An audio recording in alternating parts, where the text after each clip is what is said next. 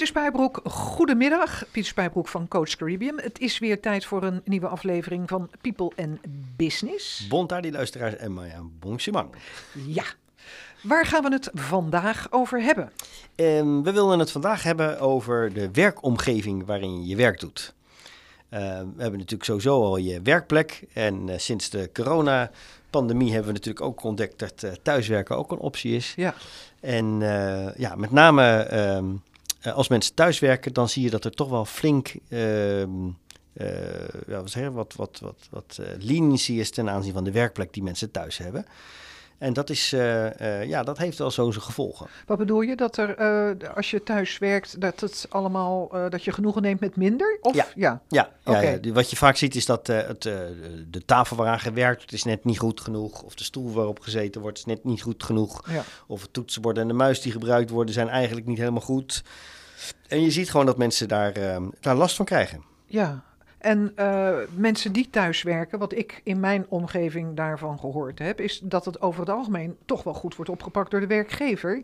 Door, dus zij, zij uh, weet ik niet of ze zo ver gaan uh, als een bureau en weet ik het wat, maar toch ook mensen die inderdaad een stoel voor thuis kunnen kopen en, en een bureaustoel en dat soort dingen.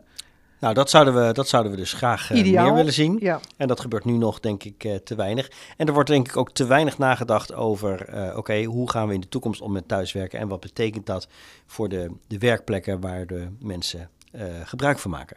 Ja, en ja, thuiswerken, het is natuurlijk ook van de laatste tijd. we weten ondertussen ook wel dat het een blijvend iets gaat zijn. vooral vanwege het drukke verkeer.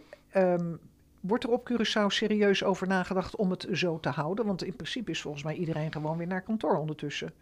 Uh, nou, er wordt wel heel veel over gespeculeerd. Er wordt ook wel, uh, uh, denk ik, wat meer thuisgewerkt dan, dan voorheen. Het wordt ook wat meer geaccepteerd.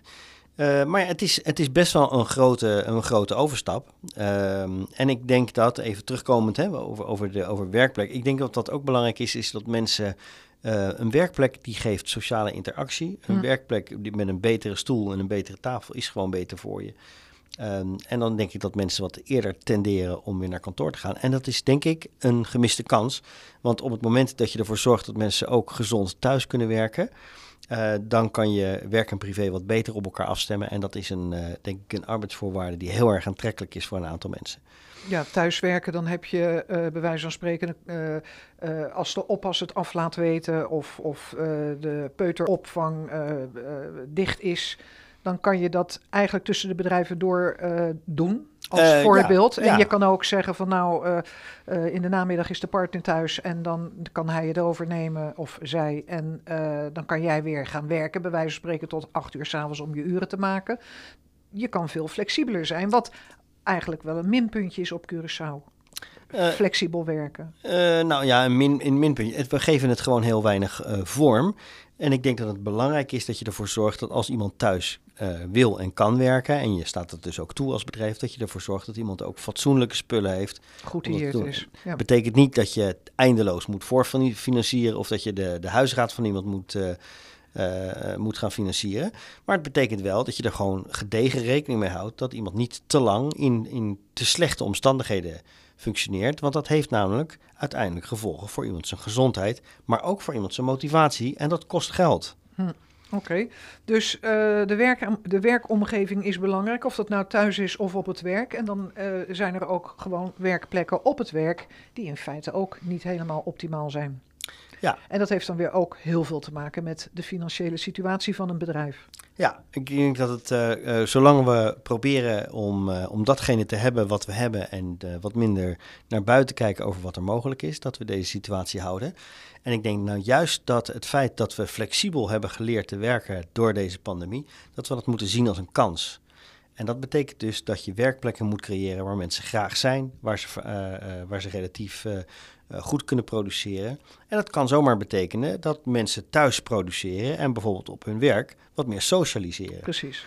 En dat is een, denk ik een ontwikkeling die wij heel erg goed kunnen gebruiken om onze uh, arbeidsproductiviteit te gaan verhogen. Ja, en inderdaad ook toch één dag of twee dagen in de week naar het werk om die andere mensen te ontmoeten ja. en nieuwe ideeën te creëren of uh, dingen bij te schaven. Want in je uppie is toch tenslotte toch ook maar in je uppie.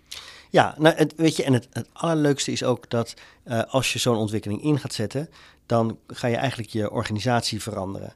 Uh, en dan moet je ook min of meer gedwongen resultaatgerichter gaan werken. Dat betekent dat je meer naar de toekomst moet gaan kijken.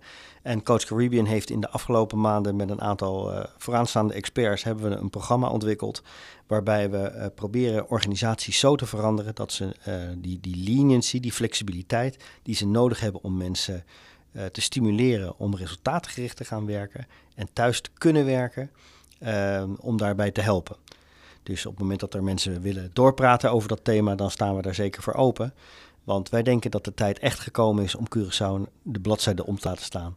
Ja. Om uh, naar nieuwe vormen van werken te gaan kijken en ervoor te zorgen dat we met elkaar de, de opportunities zien en niet meer alles als een bedreiging blijven zien. Ja, en uh, is dat voor, voor alle bedrijven? Ik, zit je aan aantallen te denken van, nou ja, je moet dan wel pak een beetje tien mensen in dienst hebben. Of kan het gewoon in alle groottes alle groottes. Ja. Alle groottes. Ik denk dat in de meeste gevallen wordt de beperking van de groei wordt veroorzaakt door de leidinggevende zelf.